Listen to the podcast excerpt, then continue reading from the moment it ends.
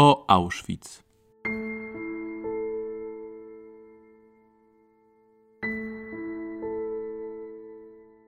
Historia obozu Auschwitz jest niezwykle złożona. Łączył on dwie funkcje: obozu koncentracyjnego i ośrodka zagłady w komorach gazowych. Nazistowskie Niemcy prześladowały w nim różne grupy ludzi, a kompleks obozowy nieustannie rozbudowywał się i przekształcał. W podcaście o Auschwitz mówimy o szczegółach historii obozu oraz o naszej współczesnej pamięci o tym szczególnym miejscu.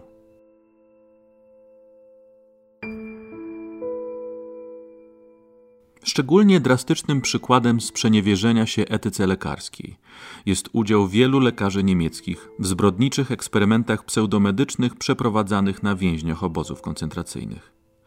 O eksperymentach prowadzonych w obozie Auschwitz rozmawiałem z Teresą Wątorcichy z Centrum Badań Miejsca Pamięci.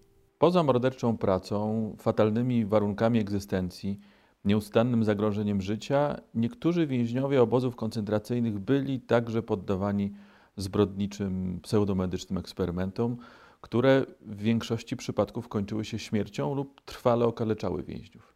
Także w Auschwitz przeprowadzano podobne haniebne eksperymenty. Skąd w ogóle wziął się pomysł przeprowadzenia tego typu badań na więźniach obozów koncentracyjnych?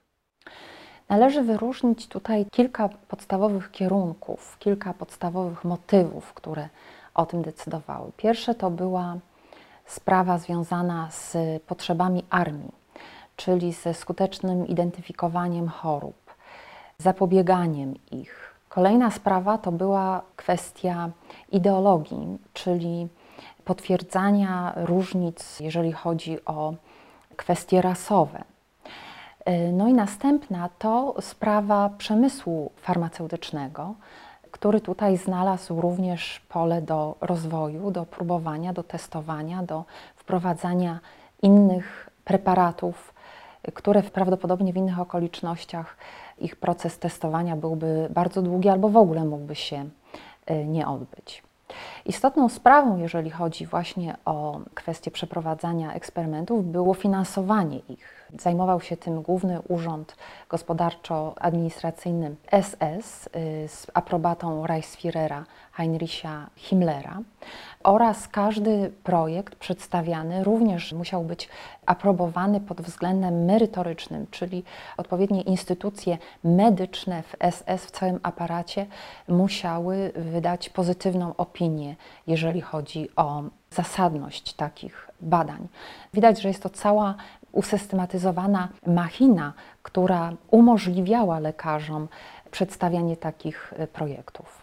W Auschwitz eksperymenty przeprowadzane były zarówno na więźniach dorosłych, jak i na dzieciach. No tutaj takim symbolem tej medycyny zbrodniczej był oczywiście dr Józef Mengel, ale nie jest on jedyną postacią zaangażowaną i nie był on pierwszym lekarzem zaangażowanym w prowadzenie eksperymentów. Jakiego rodzaju eksperymentom byli poddawani więźniowie Auschwitz? Rzeczywiście właściwie wszystkie grupy wiekowe, jakbyśmy y, przyjrzeli się tej charakterystyce więźniów, dotyczyło to naprawdę bardzo szerokiej grupy.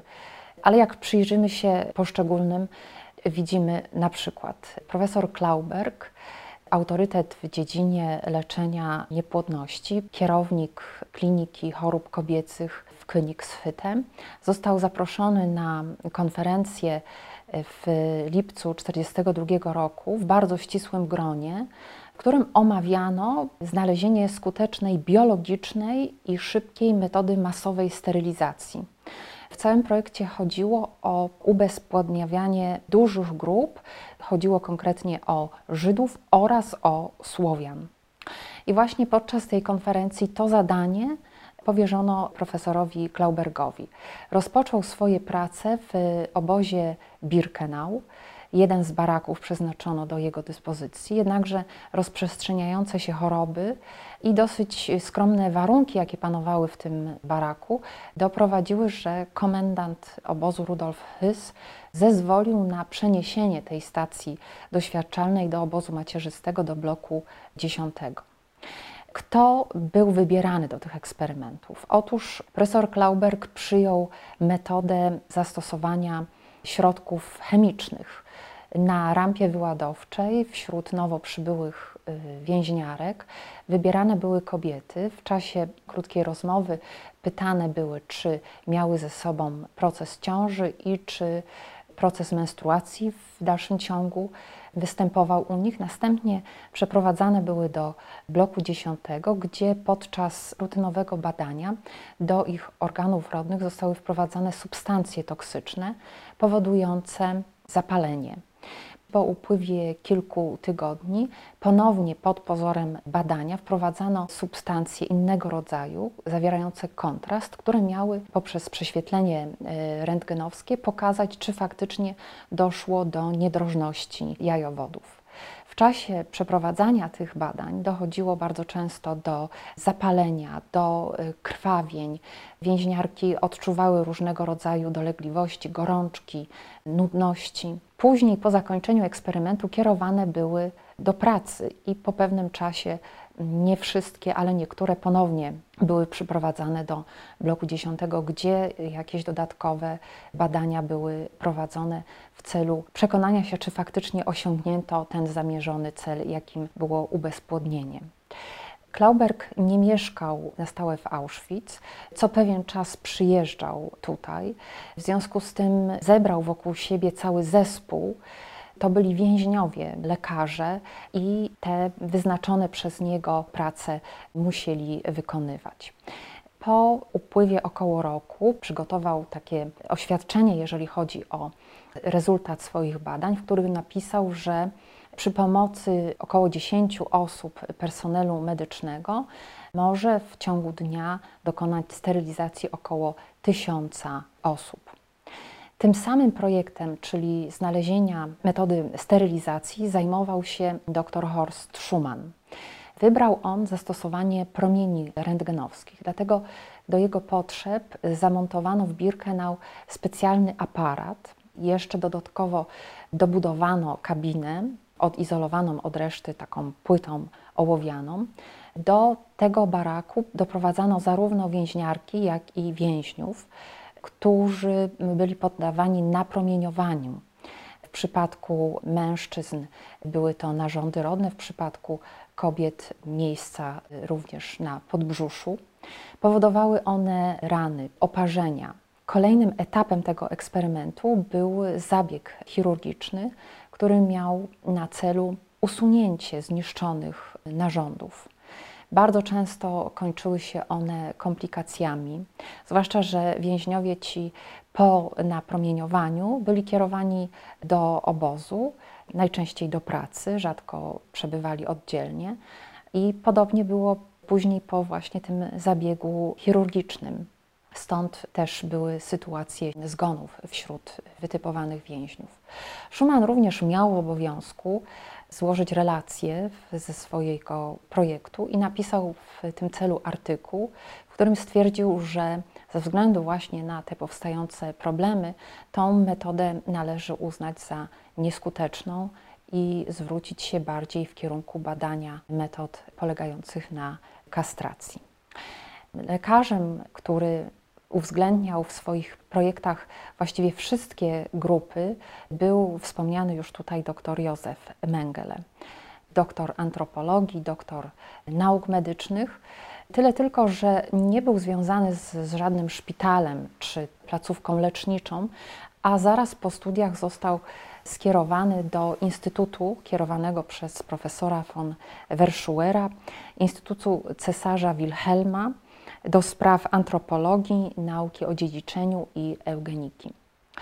Kiedy rozpoczęła się wojna, został skierowany na front i po powrocie z frontu jego przełożony, jego e, mentor, profesor von Verschuer, zaproponował skupienie się na badaniach naukowych dotyczących kwestii dziedziczenia. Jego zdaniem najlepszym przykładem obserwacji pewnych zależności są przypadki ciąży mnogiej.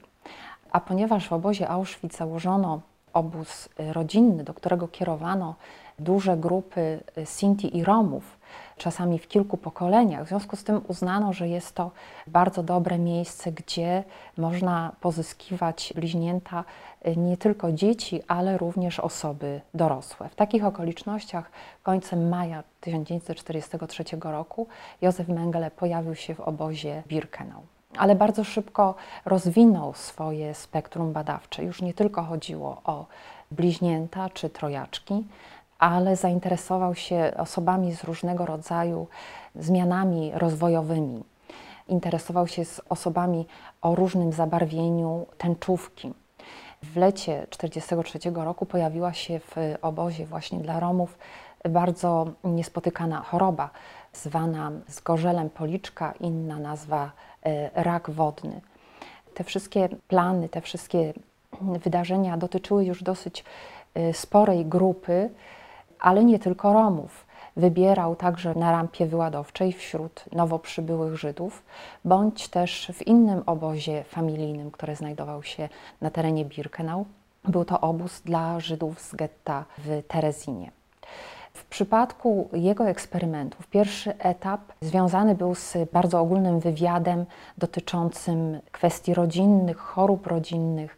Następnie dokonywano pomiarów antropometrycznych długości kończyn, obwodu głowy, rozstawu oczu przy użyciu odpowiednich narzędzi. Następnie przeprowadzano badania morfologiczne, stomatologiczne, neurologiczne. I ostatnim etapem eksperymentu była sekcja zwłok, czyli wybrane bliźnięta bądź trojaczki były zabijane zastrzykiem y, najczęściej dosercowym i takie badania kończono. Tutaj również Mengele w tych bardzo rozbudowanych projektach wykorzystywał więźniów, specjalistów, naukowców, którzy znajdowali się na terenie obozu. I tak profesor Bertolt Epstein pediatra, profesor Uniwersytetu w Pradze, miał za zadanie przeprowadzenie całej pediatrycznej analizy poszczególnych przypadków. Sprawami antropologii zajmowała się Martyna Puzyna, asystentka profesora Jana Czekanowskiego, w okresie przedwojennym zaangażowana właśnie w tę pracę. Nie tylko kwestie medyczne były dla Mengelego ważne, również chciał ilustracji. W związku z tym y, zatrudnił Władimira Zlamera, który wykonywał rysunki dla niego, czy później Dinę Gottliebową, Żydówkę czeską, która również miała wykonywać portrety y, Romów z małżeństw mieszanych, tak zwanych myślingów. Jak wiemy, Mengele regularnie przesyłał y, informacje o swoich pracach profesorowi Verschuerowi, ale nie publikował nic. Wiadomo, że na terenie obozu wygłosił referat. Było to w Birkenau we wrześniu 1944 roku podczas otwarcia szpitala dla SS-manów. I w tym referacie właśnie przedstawiał kwestie antropologiczne i medyczne, jeżeli chodzi o więźniów obozu. Innym lekarzem, który był tutaj raptem trzy miesiące, był Joachim Paul Kremer, wykładowca z Uniwersytetu w Minster, antropolog i przyjechał tutaj właściwie na zastępstwo. Jeden z lekarzy chorował, w związku z tym wobec braków personalnych ustalono, że Kremer, który w tym czasie pełnił swoje obowiązki w szpitalu w Pradze, mógłby zastąpić chorego kolegę. I faktycznie przeprowadzał selekcję na rampie wyładowczej w Birkenau. Pełnił również obowiązki w szpitalu dla więźniów i tam zauważył, że więźniowie, którzy byli wycieńczeni chorobą głodową, pewne znaki, pewne nietypowe reakcje można obserwować na ich ciele. Wybierał więc właśnie więźniów w tym ostatnim stadium choroby głodowej. Najpierw przeprowadzał z nimi wywiad, pytając o historię medyczną, o choroby w rodzinie, masę ciała przed osadzeniem w obozie. Następnie ci wybrani więźniowie byli zabijani zastrzykami i pobierano z ich ciała y, najczęściej wątrobę, śledzionę, trzustkę. Te organy były przygotowywane jako preparaty i wysyłane właśnie do Minster, do uniwersytetu, Profesor Kremer jeszcze dbał o to, żeby na przesyłkach były naklejki, że są to preparaty ważne ze względu na sprawy wojenne III Rzeszy. Co ważne, on dokumentował swoje eksperymenty, ale także dokumentował swoje życie w Auschwitz, prowadząc dziennik. No właśnie, miał taki zwyczaj, prawdopodobnie robił to od bardzo wielu lat i wpisywał codziennie kilka zdań. I właśnie ten dziennik z tym okresem krótkim, trzymiesięcznym, był najważniejszym elementem, kiedy profesor Kremer był aresztowany, ponieważ uważał, że skoro był w Auschwitz tylko trzy miesiące, nawet na zastępstwo, że wśród tej zniszczonej dokumentacji również jakiekolwiek dokumenty jego dotyczące mogły być zniszczone. No ale właśnie dokładne przeczytanie tego dziennika i wpisów takich lakonicznych, informujących właśnie, że przygotował taką przesyłkę, jedną, drugą, kolejną, albo zobaczył więźnia o właśnie jakimś y, innym wyglądzie. Albo pobrano które... świeże próbki śledziony czy wątroby. No właśnie. Y, to stało się tym najistotniejszym materiałem w czasie procesu. W kilku przypadkach mamy też do czynienia z lekarzami, którzy nigdy nie byli tutaj.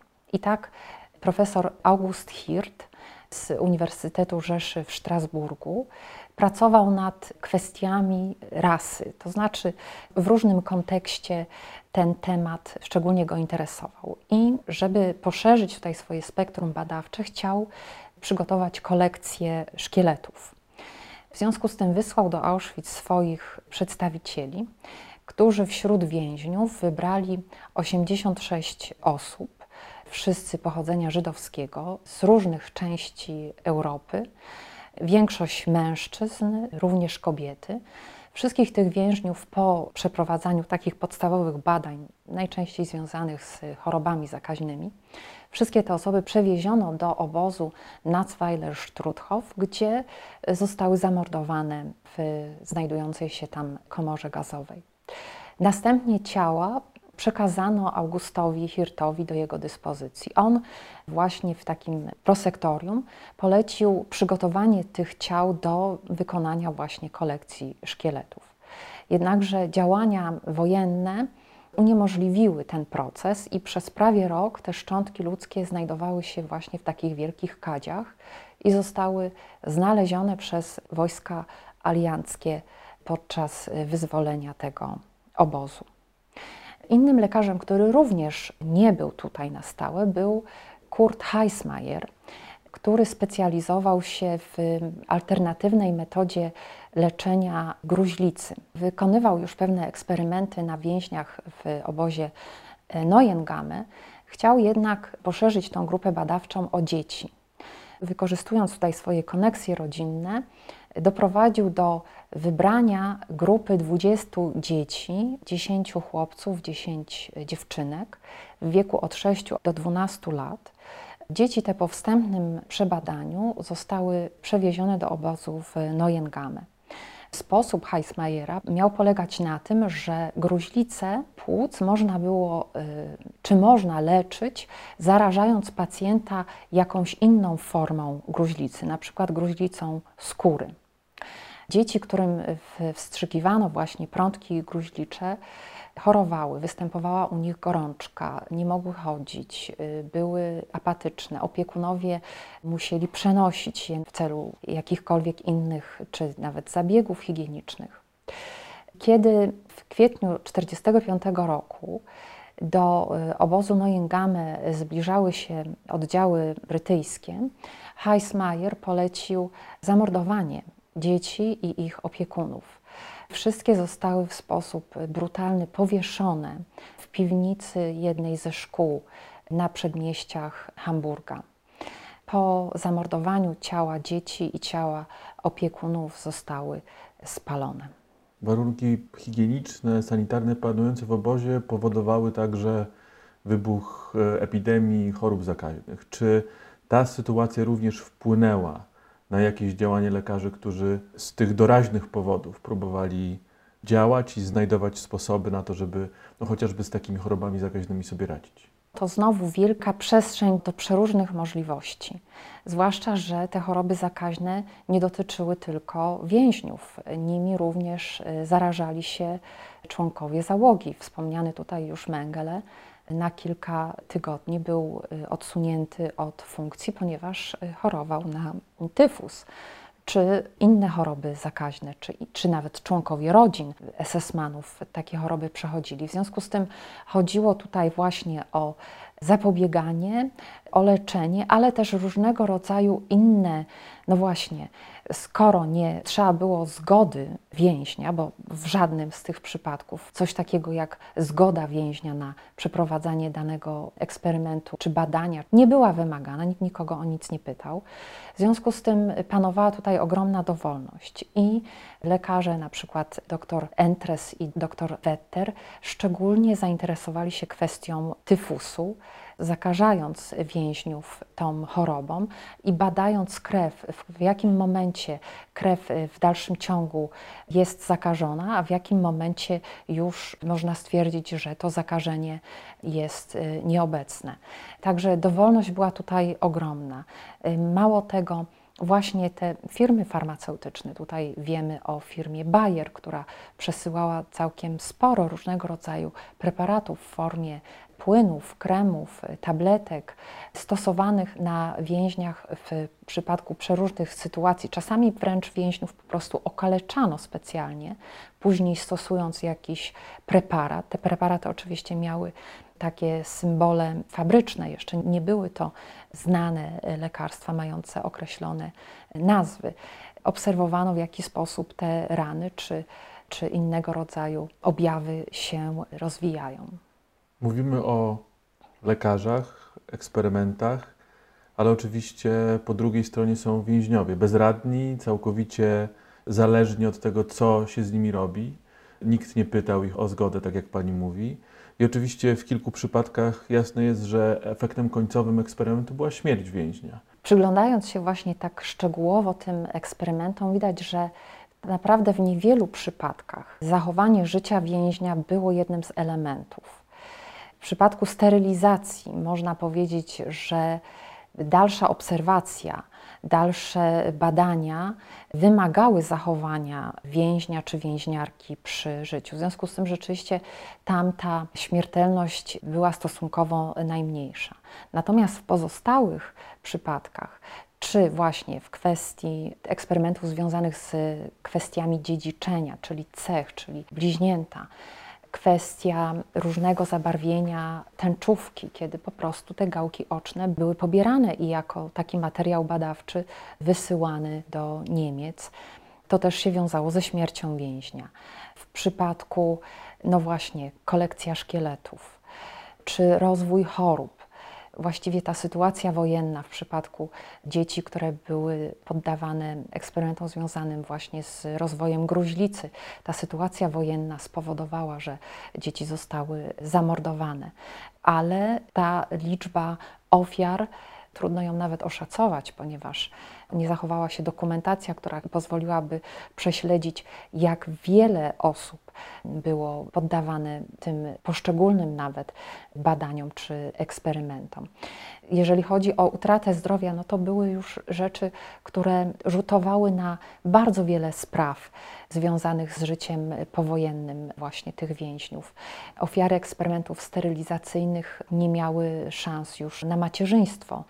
To też, jak opowiadali w czasie procesów, rzutowało na całą sferę rodzinną, kwestie ich takiego funkcjonowania w społeczeństwie, w tym najbliższym otoczeniu.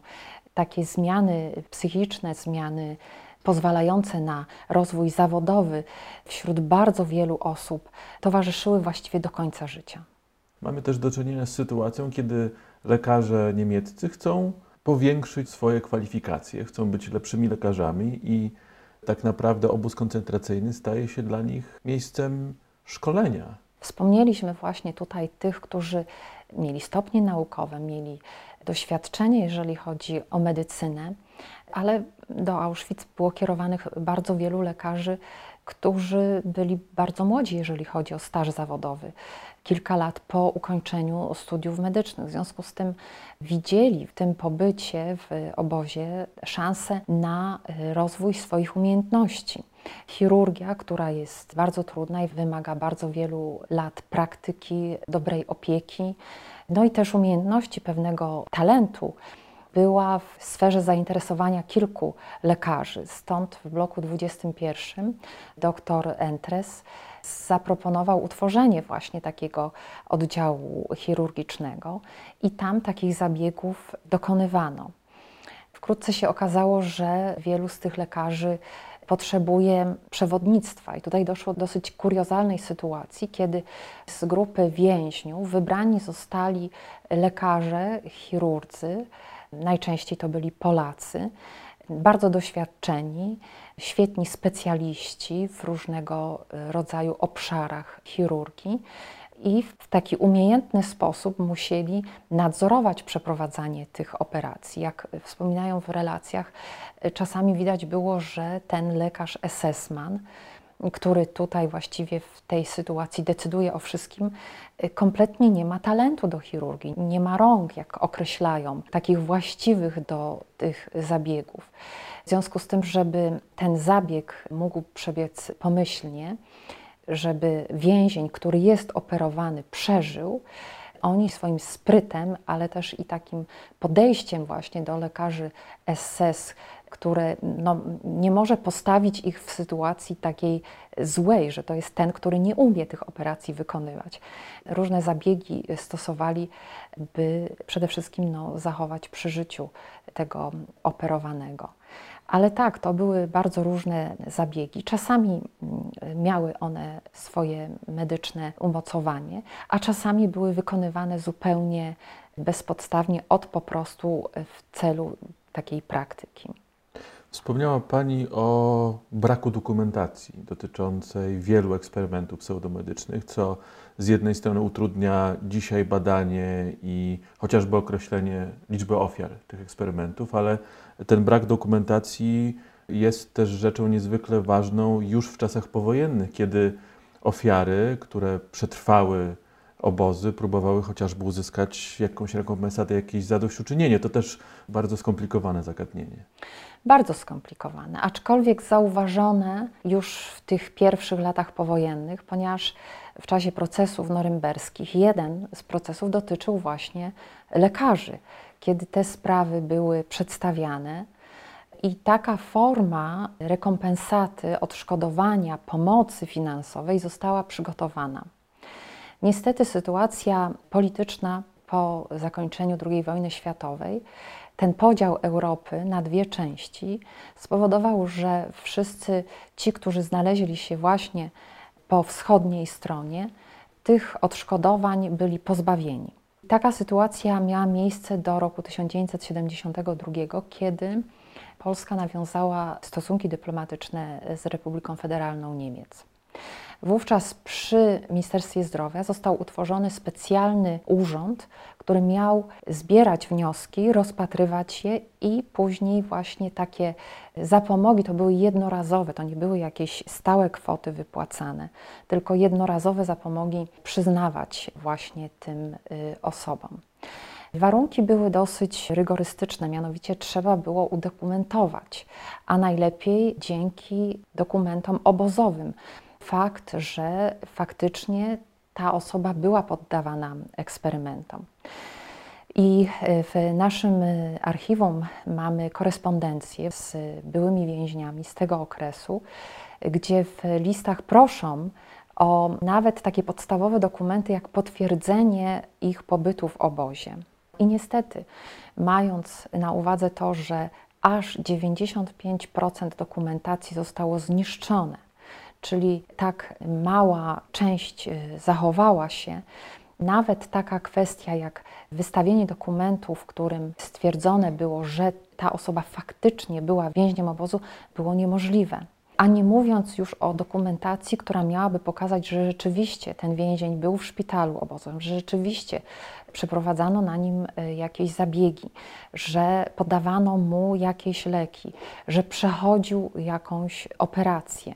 W związku z tym bardzo wiele tych wniosków było niestety odrzucanych. Więźniowie próbowali w ten sposób jakoś radzić sobie, że składali relacje na rzecz właśnie swoich kolegów obozowych, z którymi przebywali albo w szpitalu, albo w jednym baraku, w jednym komandzie i wiedzieli o tym, że faktycznie takie wydarzenia miały miejsce. No niestety komisje tutaj były bardzo, bardzo restrykcyjne. W związku z tym widzimy w tych dokumentach, które są dostępne, bardzo, bardzo wiele mm, odmów. Komisja pracowała właściwie w dwóch takich etapach. W pierwszym etapie tą zapomogę przyznano grupie 3,5 tysiąca byłych więźniów, ale to nie byli tylko więźniowie Auschwitz, to byli również innych obozów Ravensbrück, Neuengamme, Sachsenhausen, Dachau. I ten budżet w dalszym ciągu pozostał. W związku z tym komisja odnowiła pracę w kolejnych latach, właściwie tak do połowy lat 80. jeszcze rozpatrywano te wnioski. W tej drugiej turze ta grupa była już o wiele mniejsza ponad 500 osób otrzymało takie jednorazowe świadczenie. Z korespondencji, ale też z rozmów z byłymi więźniami widać, że był to dla nich bardzo trudny proces wracania do tego, co spowodowało taki uszczerbek na zdrowiu jednoznaczny, ponieważ lekarze, y, którzy leczyli ich w tym okresie powojennym, jednoznacznie widzieli, że te problemy zdrowotne, problemy różnego rodzaju są skutkiem właśnie mm, eksperymentów, a jednocześnie wracanie do tego wszystkiego i staranie się o poświadczenie no było taką mm, bardzo trudną i bardzo nieprzyjemną dla nich drogą. A co z odpowiedzialnością lekarzy, którzy dokonywali tych eksperymentów? Tutaj rzeczywiście droga jest jeszcze bardziej zawiła. No i przyjrzyjmy się po kolei. Profesor Klauberek został aresztowany zaraz po zakończeniu działań wojennych przez wojska sowieckie, przewieziony do Moskwy, tam postawiony przed sądem i skazany na karę więzienia. Po około 10 latach, w związku z umową między RFN a Związkiem Radzieckim, został przewieziony do Niemiec i tą odbytą karę już właściwie uznano za zaliczaną. Miał nadzieję na powrót do pracy y, lekarza, w związku z tym planował otwarcie przychodni i w lokalnej gazecie umieścił ogłoszenie, że poszukuje osoby do prowadzenia właśnie administracji z umiejętnością pisania na maszynie, nawet określił w jakich godzinach ta osoba miałaby pracować i podpisał swoim nazwiskiem. To ogłoszenie oczywiście zostało zauważone przez y, byłych więźniów, został aresztowany, postawiony przed sądem i rozpoczęto proces, ale zmarł w trakcie y, przygotowań. Józef Mengele został po zakończeniu działań wojennych aresztowany, umieszczony w obozie jenieckim, gdzie nawet pod swoim nazwiskiem został zarejestrowany. Już wówczas znajdował się na liście poszukiwawczych najważniejszych zbrodniarzy wojennych. Z tego obozu jenieckiego został zwolniony, przez jakiś czas się ukrywał i później dzięki pomocy rodziny i jeszcze wielu innych osób udało mu się opuścić Europę. Wyjechał do Ameryki Południowej i tam przebywał do 1979 roku, do y, śmierci. Śmierci na skutek udaru podczas kąpieli w morzu. Jak piszą dziennikarze, publicyści, którzy próbowali śledzić jego losy powojenne, przez jakiś krótki czas jeszcze nawet wrócił do medycyny. Był lekarzem, później jednak w obawie o aresztowanie i rozpoznanie nie zajmował się tym. Czyli Mengele nigdy nie stanął przed sądem. Jego tak zwany zaoczny proces odbył się jedynie w latach 80. Y, Horst Schumann wyjechał z Niemiec zaraz po zakończeniu wojny. Najpierw znalazł się w Japonii, potem w Sudanie, w Nigerii. Ostatecznie w Ganie został rozpoznany i aresztowany, postawiony przed sądem i również jego proces nie zakończył się ze względu na e, jego stan zdrowia. Ale mówimy już tutaj o latach 70., czyli wiele czasu upływa od zakończenia wojny. Kurt Heismayer również do 60 lat pracował jako lekarz, później został aresztowany, zmarł w trakcie procesu. Na karę śmierci zostali skazani lekarze, którzy po opuszczeniu Auschwitz znaleźli się w Mauthausen. W 1945 roku proces taki odbył się y, i wówczas właśnie dr Wetter i jeszcze kilku innych zostali skazani i te kary zostały wykonane. Profesor August Hirt po wojnie ukrywał się przez krótki czas, ale później popełnił samobójstwo. Edward Wirtz, Standortarzt, czyli lekarz garnizonowy y, obozu Auschwitz, który również uczestniczył w eksperymentach, szczególnie farmakologicznych. Co więcej, umożliwił swojemu bratu, Helmutowi Wirtzowi, pracę nad eksperymentami związanymi z rakiem szyjki macicy też nie stanął przed sądem, ponieważ oczekując na proces popełnił samobójstwo. Tak naprawdę jest to zbrodnia nieukarana. I w niektórych tylko przypadkach wymiar sprawiedliwości miał możliwość e, po prostu zapytania tych lekarzy i usłyszenia ich głosu, co nimi motywowało, aby w obozach koncentracyjnych zbrodniczymi eksperymentami zajmować się. Na koniec myślę, trzeba zadać pytanie o wyniki tych eksperymentów, choć oczywiście, jak mówimy, dokumentacja jest niezwykle szczątkowa. To raczej takie pytanie o względy etyczne, to znaczy, czy te prowadzone z całkowitym naruszeniem praw pacjenta, praw człowieka, eksperymenty prowadzone z perspektywy lekarza, który nie widzi w swoich ofiarach ludzi, czy one w ogóle przyniosły cokolwiek światu medycznemu? Nawet ten mały procent dokumentacji, którym dysponujemy, analizowany pod kątem projektu, który ma do jakiegoś wniosku prowadzić, daje wrażenie, że rzeczywiście celem jest tutaj poprawa stanu zdrowia, zapobieganie chorobom. Jest on naprawdę bardzo złudny, bardzo mylący. Trzeba tutaj innego rodzaju dokumentów, innego rodzaju materiałów, innego rodzaju źródeł, które tak naprawdę pokażą, co było tym celem. Są tutaj przede wszystkim relacje więźniów, relacje tych y, ocalałych ofiar eksperymentów.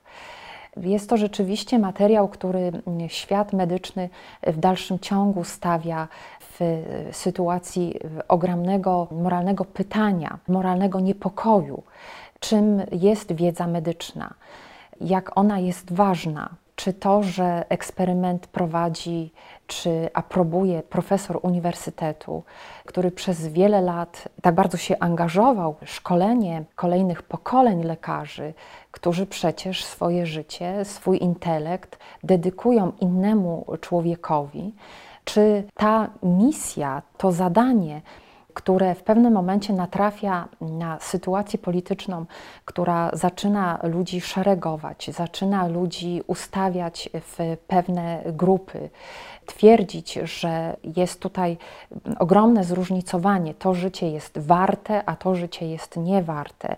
Są grupy, które nazywamy Ibermenschen i Undermenschen.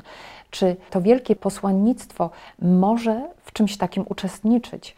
Czym naprawdę jest rola lekarza. Jest to pytanie bardzo ważne do dnia dzisiejszego, bo okazuje się, że niestety ten świat medycyny bardzo zawiódł, kiedy okazało się, że może być tak łatwo manipulowany przez takie doraźne cele, a często to były właśnie kwestie polityczne albo też ambicje, czyli takie kwestie osobiste, gdzie właśnie ta sprzyjająca sytuacja zaczyna usprawiedliwiać różnego rodzaju decyzje i właściwie czyniąc życie ludzkie absolutnie rzeczą nieistotną w osiągnięciu ostatecznego celu.